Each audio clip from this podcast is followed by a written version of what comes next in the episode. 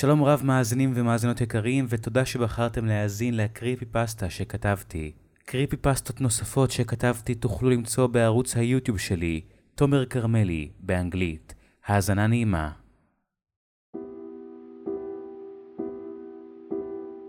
השנה היא 2019. זה היה אמצע השנה של כיתה י"א. אחרי תקופת המבחנים הקשה הגיעה חופשת האביב המיוחלת. שבועיים שלמים בהם לא אצטרך לפגוש את פניהם של האנשים האחרים מהשכבה שלי. גאד, הם כאלה נוראים. קוראים לי גרג. אני לא ילד כזה מקובל. בהפסקות, כשכולם התפצלו לחבורות, תמיד הייתי בצד בפלאפון, משחק אותה קול, כאילו אני לא צריך אף אחד. אבל האמת היא שכן הייתי צריך. כל אחד צריך חברה. הבית ספר שלנו מכיל לרוב דושבגים. כאלה שרק משתכרים במסיבות כל היום ומגיעים בשעה עשירית, עם ריח של אלכוהול והבגדים עם כתמי הקולה וטבק מסריחים מהמסיבה של אתמול. אבל ככה זה היה תמיד. מסתבר שבמאה השנה האחרונות שתיכון ווטרברידג' קיים, תמיד היו מגיעים אליו דושים. זה מסורת של שנים. בכל מקרה, אני נער די ביישן שכזה. אין לי ממש הרבה חברים ואת רוב האינטראקציות החברתיות שלי אני צורך דרך נטפליקס. לא שאני חלק מהן. החיים שלי הם די ההפך ממה שאתם רואים בסרטי תיכון אמריקאים. טוב, לא ההפך הגמור, אלא 50%. החלק של המסיבות, חברה חתיכה ולוק פצצה, את זה אין לי. אבל הבריונים, הדרמות והבולשיט, את זה כן יש לי, והרבה לצערי. פעם אחת אפילו הבריון של השכבה, ג'ו מקארתי, צייר על הלוח עם טוש קשקוש אחד גדול, ואז כשהמורה מחקה נשאר כיתוב בטוש לא מחיק, גרג תומפסון הבתול. כמובן שבית הספר לא עשה כלום מלבד השעיה של יומיים בהם אותו ג'ו מקארתי כתב עליי בכל הטוויטר על כמה שאני מעפן ועלוב. אבל אני רגיל לזה, פשוט החלטתי להתעלם. בכל מקרה עכשיו שיצאתי לחופשת האביב, יהיה לי חסר לראות אנשים. לא שבבית הספר אני כן מתראה עם אנשים, אבל אני חייב קצת לצאת מהבית, לראות עולם. יש גבול לכמות הפעמים שאני יכול לראות פמילי גיא בנטפליקס ב repeat. זה היה היום השלישי לחופשת האביב. זו הייתה שעת ערב, אבל בשביל מישהו כמוני שקם בחופשים בשלוש אחר הצהריים, זה היה די תחילת היום. החלטתי שאני יוצא לרכוב קצת בשכונה עם האופניים שלי. כשיצאתי החוצה, השמיים כבר נצבעו בסגול כהה וכוכבים התחילו לבצבץ בין העננים האפורים. רוח קרירה נשבה. התחלתי לרכוב על האופניים, נסעתי ברחבי השכונה שלי כאשר הרוח שורקת לי באוזניים. עברתי על גבי בית הספר, הספרייה העירונית, ואפילו ליד כיכר העיר. אפשר להגיד ששרפתי כמה קלוריות. אחרי נסיעה בלב העיר, החלטתי להמשיך קצת לאזור המרוחק והעתיק יותר של העיר. כשיצאתי מהמרכז, האורות הצבעוניים והמסעדות התחלפו בבתים ישנוניים ושקטים. נסעתי על הכביש כי לא היו ממש מכוניות באזור ההוא. לא הרבה אנשים גרים פה. רובם עברו למרכז העיר לפני כמה שנים, ואלו שכן נשארים פה פחות מראים נוכחות בשעות הערב. בשלב מסוים, התחלתי להאט את האופניים. אחד עמודי החשמל מעץ שהיו ברחוב משך את תשומת ליבי. יותר נכון, הפלייר שהיה תלוי עליו משך את תשומת ליבי. התקרבתי אליו על מנת שאוכל לקרוא מה כתוב עליו. עצרתי ושמתי את האופניים בצד. התקרבתי לעמוד, והבטתי בשלט שהיה עליו. יותר נכון, זו הייתה כרזה. היא הייתה מהצבעונית, אבל כזו שנראה כאילו הדיו הצבעוני שלה כבר דהה. נראה שהיא תלויה פה כבר הרבה זמן. מה שמשך אותי אליה הייתה מילה אחת שהייתה כתובה בראש המודעה. מסיבה. היה כתוב בפונט אגרסיבי ומלא, ותחתיו היה כתוב באותיות בינוניות. אתם לא חייבים להיות מקובלים, אתם לא צריכים להיות מלכי הכיתה, וגם אם אין לכם חברים, אתם פשוט צריכים לבוא למסיבה הזו. בואו ליהנות ממסיבת האינסוף. אל תתביישו. וואו, אמרתי לעצמי בהתרגשות. זה נשמע ממש כמו מסיבה בשבילי.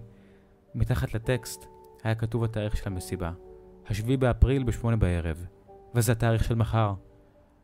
אבל לא היה כתוב התאריך של השנה, וליד התאריך הייתה רשומה הכתובת של המקום. אמרתי לעצמי שאני חייב ללכת למסיבה הזו.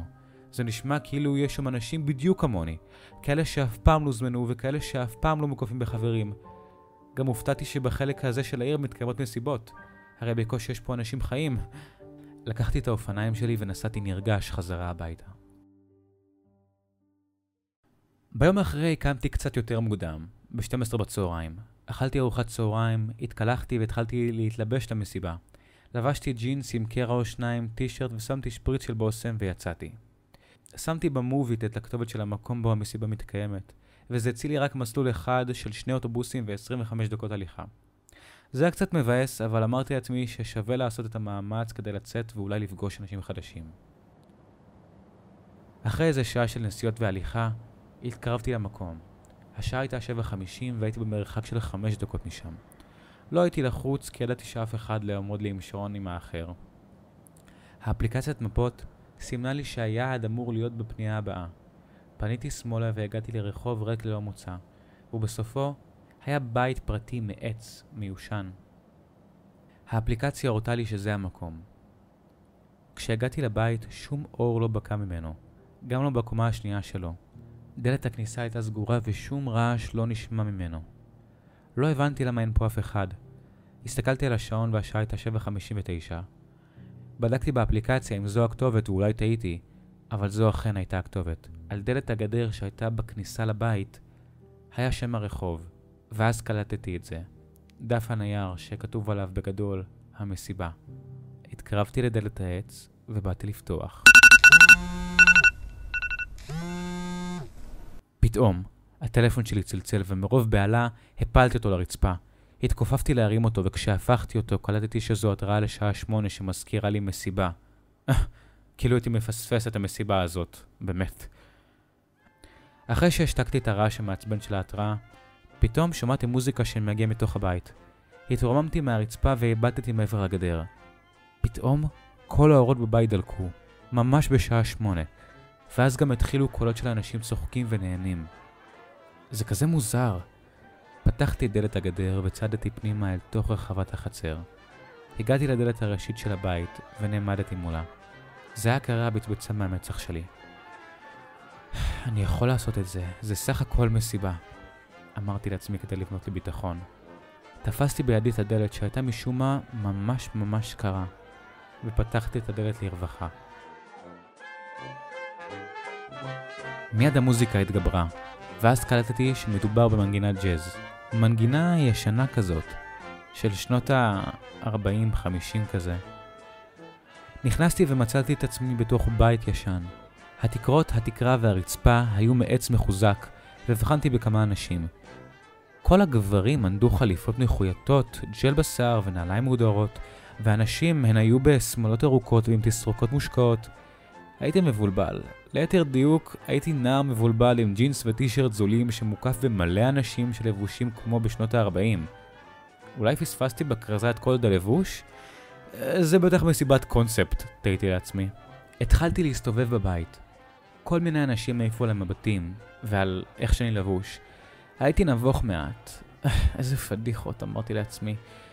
אבל שמתי לב שהמבטים שלהם לא היו שופטים. הם פשוט הסתכלו עליי בשלווה. לא במטרה לשפוט אותי. זה הרגיע אותי קצת, אבל גם קצת הלחיץ. אבל היי, זה עדיף מג'ו המניאק שכל פעם צחק עליי עם חבורת השפוטים שלו והשפיל אותי מול כל השכבה. הלכתי לאחת הפינות בבית. היה שם בחור לבן, גבוה, מעט מחוצ'קן אבל מחויית היטב. הוא ענד חליפת בז' עם פפיון שחור ומכנס מחויית, גם בצבע בז'. השיער שלו היה כל כך מבריק, שנראה כאילו פרה העבירה עליו לק אחד טוב כזה על הראש. הוא ישר קלט אותי והסתובב לכיווני. הוא החזיק ביד כוס אלכוהול. היי hey, חבר, הכל בסדר? הוא פנה אליי. אה, כן אחי, סליחה. עניתי במבוכה. אין צורך להתנצל גבר, הכל טוב. גיחכתי במבוכה וגירדתי מעט את השיער. אני קולין, קולין בראון, הוא אמר. היי, אה, אני, אני גרג, עניתי, והוא לחצתי את היד. אז גרג, אף פעם לא ראיתי אותך במסיבות שלנו. מה מביא אותך לפה? Um, האמת שראיתי את המודעה על המסיבה הזו, אמרתי, ומה שהיה כתוב בה, זה שאתם לא חייבים להיות מקובלים וזה... התחלתי לחשוב שאני נשמע מסכן, אבל אז הוא מיד ענה. חבר, הכל טוב. זה בדיוק המקום שהגעת אליו. פה אנחנו לא שופטים אף אחד. כולנו פה לא מלכי הכיתה, כולנו פה לא המקובלים, הוא עשה מרכאות וצחק. וזה בסדר אחי, אנחנו פה אחד בשביל השני. וואו, אף פעם לא ראיתי קונספט כזה של מסיבה. קולין חייך אליי בערמומיות ואמר, חכה, זה רק נהיה יותר טוב. המוזיקה נחלשה וכולם החלו להתאסף ברחבת הסלון. כל הנשים והגברים החלו להתאסף סביב השולחן. פתאום, קול נעליים נשמע נוקש על השולחן. זה היה קולין. הוא עלה על השולחן ונקש פעמיים כדי להסב את תשומת הלב של כולם אליו. חוגגים וחוגגות יקרים! אני גאה לברך אתכם על כך שאתם נמצאים פה במסיבת הלא מקובלים! מחיאות כפיים נשמעו. היום אני גאה להציג בפניכם חבר קהילה חדש. גרג, הוא הצביע עליי. מיד כל המבטים הופנו אליי. כולם חייכו ומחאו לי כפיים. הייתי נבוך. קולין המשיך. גרג הוא גם בחור טוב, כמו כולנו, שהחברה הגועלית והמסריחה שלנו בוחרת לשים בצד. בוז, נשמע מהקהל. גרג, כמוני וכמו כולם פה, לא בחרו להיות מוטרדים על ידי בריוני בני זונות שלא רואים כלום מלבד האגו הנפוך והמזדיין שלהם. בוז, חזר הקהל. אנשים שצילקו אותנו לכל החיים לעולמי עד, והם צריכים לשלם על זה. קולין צעק ואמר בשנאה, וכולם הריעו לו במפגן כוח. נבהלתי קצת, אבל... הוא אמר דברים נכונים, אבל אולי זה היה קצת יותר מדי בשבילי. אבל אז קולין פנה אליי מול כל הקהל, ואמר, גרג, פה אתה בטוח. פה אתה בין אחיך ואחיותיך החדשים. פה אתה מקובל. הלב שלי פעם בחוזקה. התחגשתי, חייכתי ואפילו רציתי לבכות קצת. אני לא מאמין. שמחתי לעצמי והודעתי לכולם. וואו, אני אגיע לפה כל פעם, אמרתי להם. ועכשיו, קולין אמר לכולם, עכשיו בואו נחגוג. כולם הרימו את משקאות האלכוהול שלהם, מוזיקת הג'אז חזרה וכולם רקדו. קולין ירד מהשולחן וצעד לקראתי. נו, אהבת? הוא שאל. כן, ממש התלהבתי, תודה לך קולין. בכיף, אלוף, אנחנו פה תמיד אחד בשביל השני, הוא אמר. חייכתי לה ושאלתי, רק חבל שלא התלבשתי כמו כולכם, הייתי גם בכיף מביא איזה תחפושת ישנה כזאת. קולין הרים גבה ושאל, תחפושת? לא, זה לא מסיבת תחפושות, אחי. אבל אתה חבר הבאת תחפושת פגז, מאוד מושקע וקיצוני. אהבתי גם את הקרעים האלה בג'ינס. מאוד מעניין. הרגשתי מוזר. אולי הוא היה קצת מסובב מכוס האלכוהול שכבר הייתה חצי ריקה. החלטתי לוותר על עניין הלבוש ולהמשיך כרגיל. לקחתי משקה אלכוהול שהיה על השולחן ליד ושתיתי הכל בשוט. נתתי לעצמי לזרום עם כל העניין הזה של שנות ה-40. למרות שזה היה מוזר, זרמתי עם זה. נהניתי בעיקר מזה שכולם פה קיבלו אותי. רקדתי עם כמה בנות, שתיתי כמה שוטים עם כמה גברים, ואז, אז הכל היה מעורפל ופשוט נרדמתי.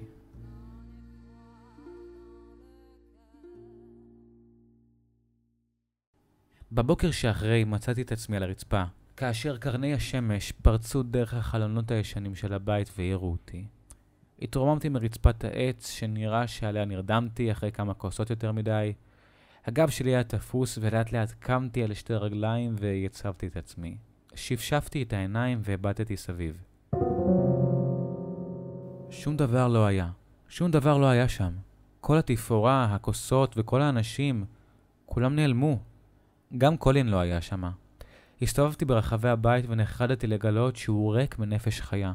גם לא היו כוסות אלכוהול או אפילו ריח. היה פשוט ריח של אבק ועץ. יצאתי החוצה מהדלת הראשית אל הרחוב ממנו באתי ערב קודם לכן. המשכתי ללכת והגעתי לדלת הגדר. השלט מסיבה שהיה תלוי אתמול, גם הוא נעלם. התחלתי ללכת לאט לאט, בעודי חושב לאן כולם נעלמו, ולמה אף אחד לא אמר לי כלום. אחרי כמה צעדים עקומים מעייפות, הגעתי לתחנת האוטובוס בה ירדתי. בעודי מחכה לאוטובוס, אני מסתכל על הבית ההוא בסוף הרחוב, ותוהה לעצמי, לאן כולם נעלמו? איך הבית הזה פתאום נראה כאילו לא גרו בו שנים, ולמה קולין השאיר אותי שם ככה לבד? האוטובוס מגיע ואני מבלה את השעה נסיעה בהירדמות על החלון של האוטובוס. כשהגעתי הביתה ישר הלכתי למחשב וניסיתי לחפש את קולין בפייסבוק. חיפשתי קולין בראון, אבל לא מצאתי אותו. חיפשתי גם באינסטגרם וגם בסנאפצ'אט, ואפילו פתחתי משתמש בטוויטר רק כדי למצוא אותו. את קולין. ולא מצאתי אותו בשום רשת חברתית. וזה כל כך ביאס אותי. עד שמצאתי חבר נורמלי שאשכרה הבין את המצב שלי. זה ביאס אותי למות. כל כך רציתי להמשיך להסתובב איתו. למרות שהוא היה נראה קצת מוזר, אבל משהו בו קסם לי. הלוואי והייתי יכול לפגוש אותו שוב. במשך כל חופשת האביב לא מצאתי אותו, את קולין בראון. באותו ערב אף פעם לא החלפנו מספרי טלפון או כתובות, והנחתי לעניין פשוט לשקוע. את שאר ימי החופש ניצלתי בהמשך התבודדות מהעולם. בעיקר בלישון ובלאכול גלידה מול פרקים של ברוקלין 99. ביום הראשון של אחרי החופשה הגעתי לבית ספר. מבואס מזה שאני צריך לחזור ללימודים, ועוד הרבה יותר גרוע מכך לחזור לכל הנערים המעצבנים ובראשם לג'ו מקארתי המניאק. נכנסתי לשיעור הראשון באיחור, וכשנכנסתי במהירות לכיתה זכיתי לקבלת פנים מקסימה מג'ו. כשעברתי ליד השולחן שלו הוא שם לי רגל ומעדתי. קיבלתי מכה במרפק. זה כאב, אבל שיחקתי אותה קול כשהמורה שאלה אם הכל בסדר. הרי גם ככה לא באמת אכפת לה. בהפסקה ישבתי ליד עץ הזית בגינה של בית הספר שלנו. בדרך כלל מגיעים למקום הזה רק אלה שרוצים לעשן מבלי שהמורים יראו אותם, ואנשים בודדים כמוני. אבל היום משום מה, המעשנים לא היו שמה. נשענתי על העץ בישיבה ושפכתי קצת מים על השפשוף במרפק שקיבלתי מהמכה שג'ו נתן לי. אתה בסדר, אחי? מיד הסתכלתי למעלה וראיתי אותו. קולין. עומד פתאום מולי. קולין! אני אומר בהפתעה. מה, מה אתה עושה פה? וואי, טוב לראות אותך. קולין הושיט לי יד ועזר לי לקום. אני בסדר. התלהבתי. וואי, תגיד, מה קרה, מה קרה במסיבה ההיא? לאן כולם נעלמו? הייתי בטוח ש... מה זה? מי עשה לך את זה? הוא קוטע אותי והסתכל מקרוב על המכה במרפק. אה, אה לא חשוב, אני בסדר. קולין הסתכל עליי במבט כועס. לא, זה לא בסדר. מי עשה לך את זה? ואז נזכרתי בעובדה שהוא פשוט עומד מולי באמצע הבית ספר שלי משום מקום. רגע, מה, מה אתה עושה פה בכלל? אתה לומד פה? הוא מושך בכתפיים שלו. כן, למדתי פה לא מזמן. ואיך נתנו לך להיכנס בשער? מה זה משנה? הוא אומר שוב בזעם. תגיד לי, מי המאנק שעשה לך את זה? אני נאנח. אחד, אתה, אתה לא מכיר. ג'ו, ג'ו המניאק של השכבה. קולין מסתכל עליי ואומר, ג'ו מה? ג'ו מקארתי, אבל, אבל זה בסדר, קולין, אין, אין לי מה לעשות, הוא כבר שנים מתנגד עליי ככה. העיניים שלו בוהות בי והוא זועם.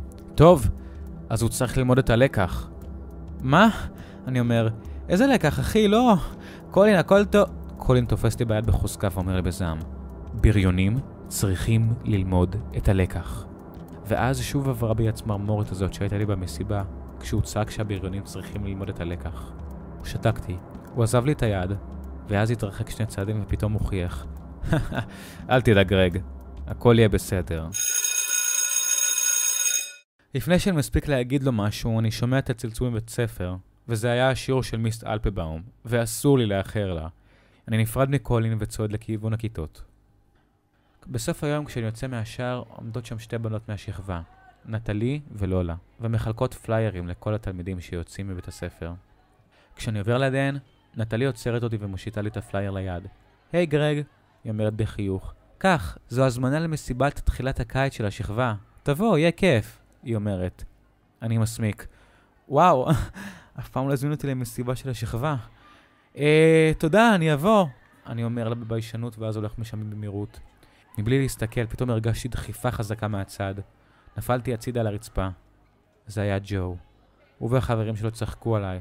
תסתכל לאן אתה הולך, הוא אומר, ואז מחייך. תירגע אחי, הכל בצחוק. אבל זה לא מצחיק. שום דבר שהוא עשה לי אי פעם לא הצחיק אותי.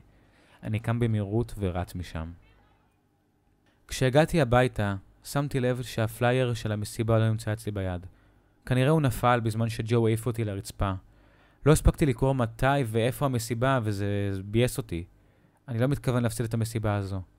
ביום שאחרי נכנסתי לכיתה ושאלתי את נטלי איפה המסיבה ומתי היא. והיא אמרה פשוט שאני אהיה מוכן מחר בערב והיא תיתן לי טרמפ לשם. כמה נחמד מצידה. אני באמת מרגיש שלאחרונה אנשים מתחילים להיות יותר נחמדים אליי. הסמקתי והודיתי לה. בערב למחרת אני מתארגן, מתלבש יפה, ואפילו שם שפריץ אחד של בושם.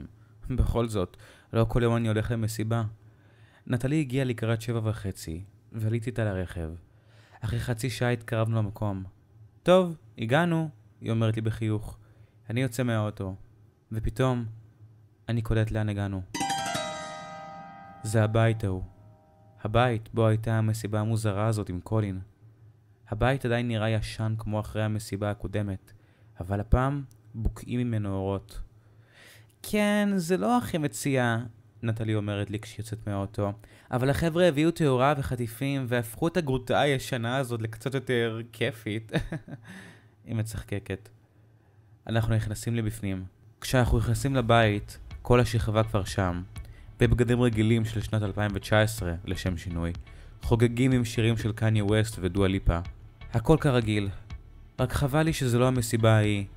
למרות שהיא הייתה מוזרה, כולם שם היו יותר... איך לומר את זה? יותר נחמדים. אני מנסה למצוא את עצמי במסיבה. בניגוד למסיבה הקודמת, פה לאף אחד לא באמת אכפת ממני. כולם עסוקים בעצמם או במזמוזים אחד עם השנייה, ואפילו נטלי איתה הגעתי הלכה לבלות עם חברות שלה. אני יושב על אחת הספות ושותה קצת בירה, ולא מדבר עם מישהו מיוחד. קולין לא שם. כדי לא להיראות מביך ולשבת לבד, אחרי כמה דקות הלכתי לשירותים של הבית, שהיו במרתף. אני יורד למטה ונכנס לשירותים. כשאני יושב על האסלה, פתאום אני שומע את הידית של הדלת. מישהו מנסה לפתוח. תפוס! אני אומר בקול רם, כדי שיבינו שאני שם. פתאום, אני שומע מהצד השני של הדלת. גרג, זה אתה שם?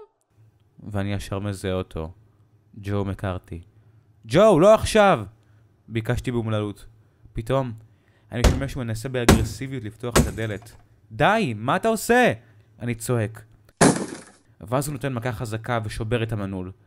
הדלת נפתחת והוא עומד שם לבדו, עם הטלפון מכוון אליי, והפלאש דולק. הוא מצלם אותי בווידאו. וואו, גרג, איזה חבילה יפה יש לך! הוא צוחק ולועג לי. אני ישר קם ומרים את המכנסיים והתחתונים בבושה. לא, לא, לא, תראה לכולם את הקטן שלך, הוא אומר לי. עוף מפה, ג'ו! אני אומר לו, בלי להישמע מאיים מדי כדי שהוא לא ירביץ לי.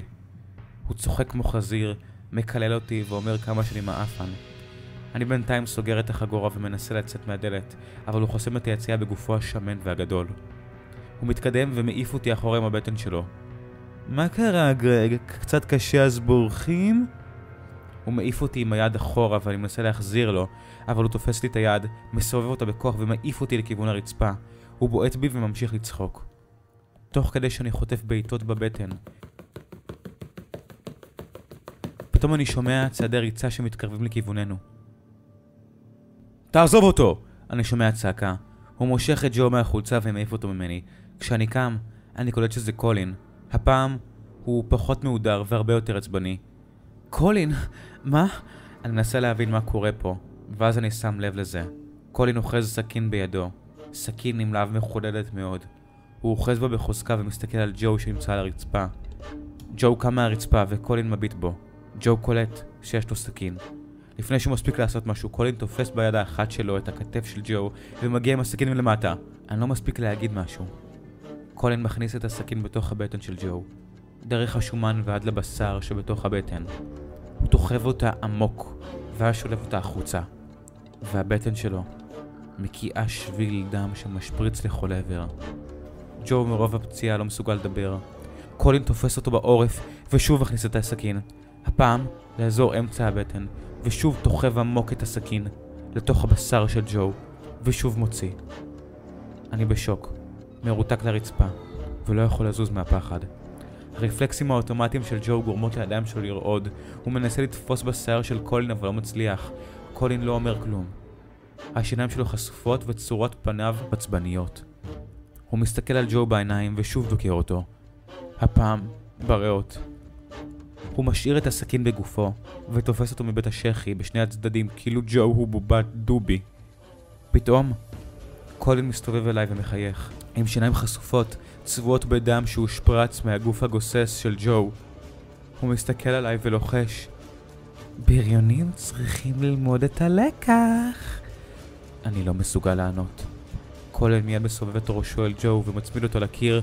הוא מוציא את הסכין מבית החזה של ג'ו ובידו השנייה מצמיד את ראשו לקיר ואז הוא לוקח את הסכין ונועץ אותה בגרון שלו. בגרון של ג'ו. הוא נעץ אותה כל כך חזק שהיא יצאה מהצד השני של הגרון שלו ונתקעה בקיר. ג'ו, בנשמותיו האחרונות, מפרכס כשהוא מדמם מכל עבר, ומהצוואר השבור שלו יוצא שביל דם. קולין עוזב את ג'ו, שנשאר נעוץ למוות עם הסכין על הקיר, ומתקדם לעברי. אני נצמד לפינה מרוב פחד. הוא מתכופף אליי ולוחש. זהו, עכשיו הוא לא יפריע לך יותר. הוא מגחך, אבל זה הכי רחוק מלהיות מצחיק. הוא קם, מסתובב ויוצא מהדלת. לוקח לי כמה שניות לקלוט אם מה שקרה פה זה חלום או לא. אני קם כולי רועד. בינתיים, אחד הבנים בא להיכנס לשירותים, והוא רואה אותי שם. אותי ואת הגופה של ג'ו מקארטי מבוטרת ושוטטת מדם.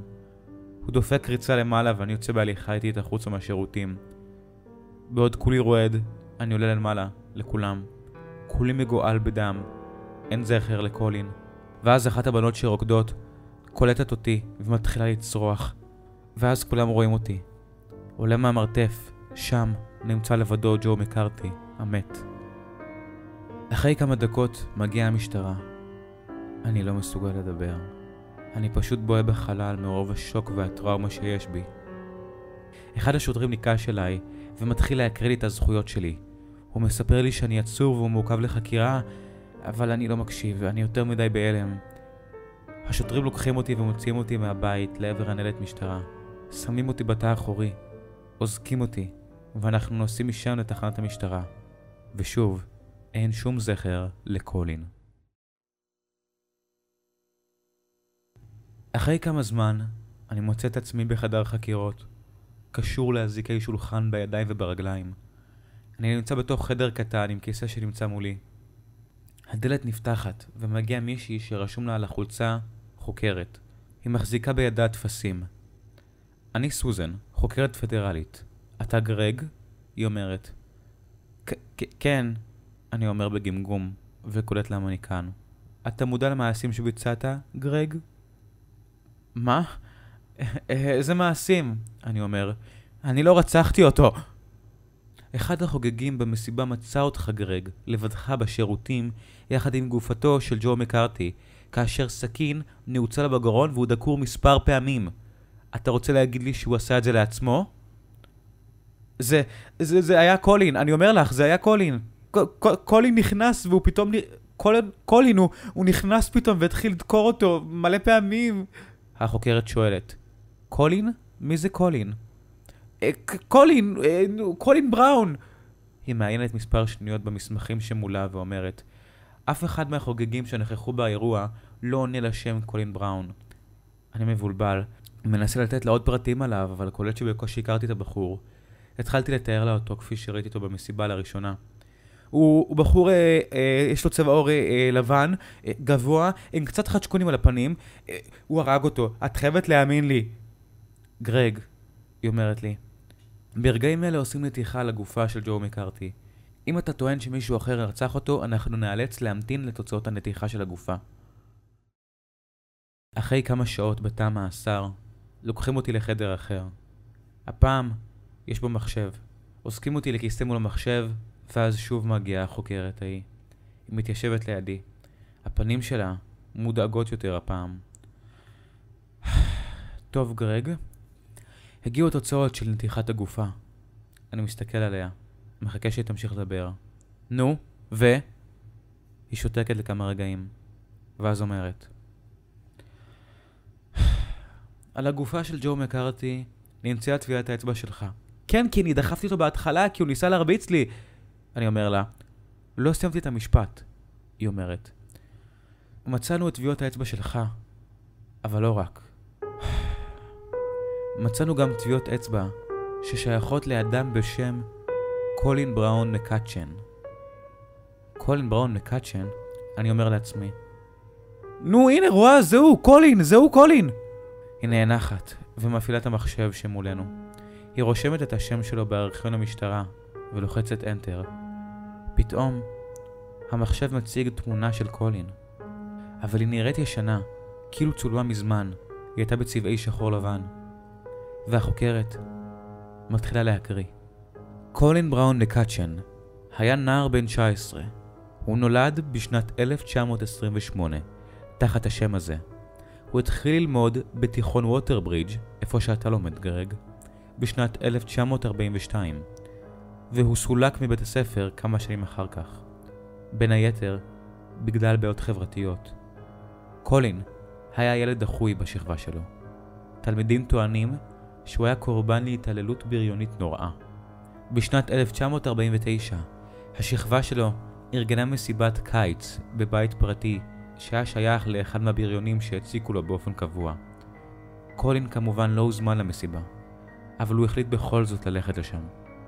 כשהוא הגיע לשם, הבריונים ראו אותו, והתחילו להכות אותו, עד שהוא דימם. הוא עזב את המסיבה, ובאותו הערב הוא חזר לשם. הפעם עם סכין. הוא נכנס שוב לבית ההוא, ובאותו תא שירותים שאתה היית, גרג, הוא מצא שם את הבריון הראשי שהציק לו. קולין דקר אותו למוות, ואז נעצר על ידי המשטרה והובא לכאן, לחדר החקירות. בגלל מערכת המשפט המושחתת באותה התקופה, ובגלל שאבא של הבריון היה מקורב לשופט, בית המשפט גזר על קולין באופן יוצא דופן עונש מוות בכיסא חשמלי. במתקן המעצר הזה בדיוק, קולין בראון מקאצ'ן מת כרוצח מורשע בשנת 1949 על ידי חשמול בכיסא חשמלי. החוקרת סיימה להקריא את התיק שלו והתרחקה מהמחשב.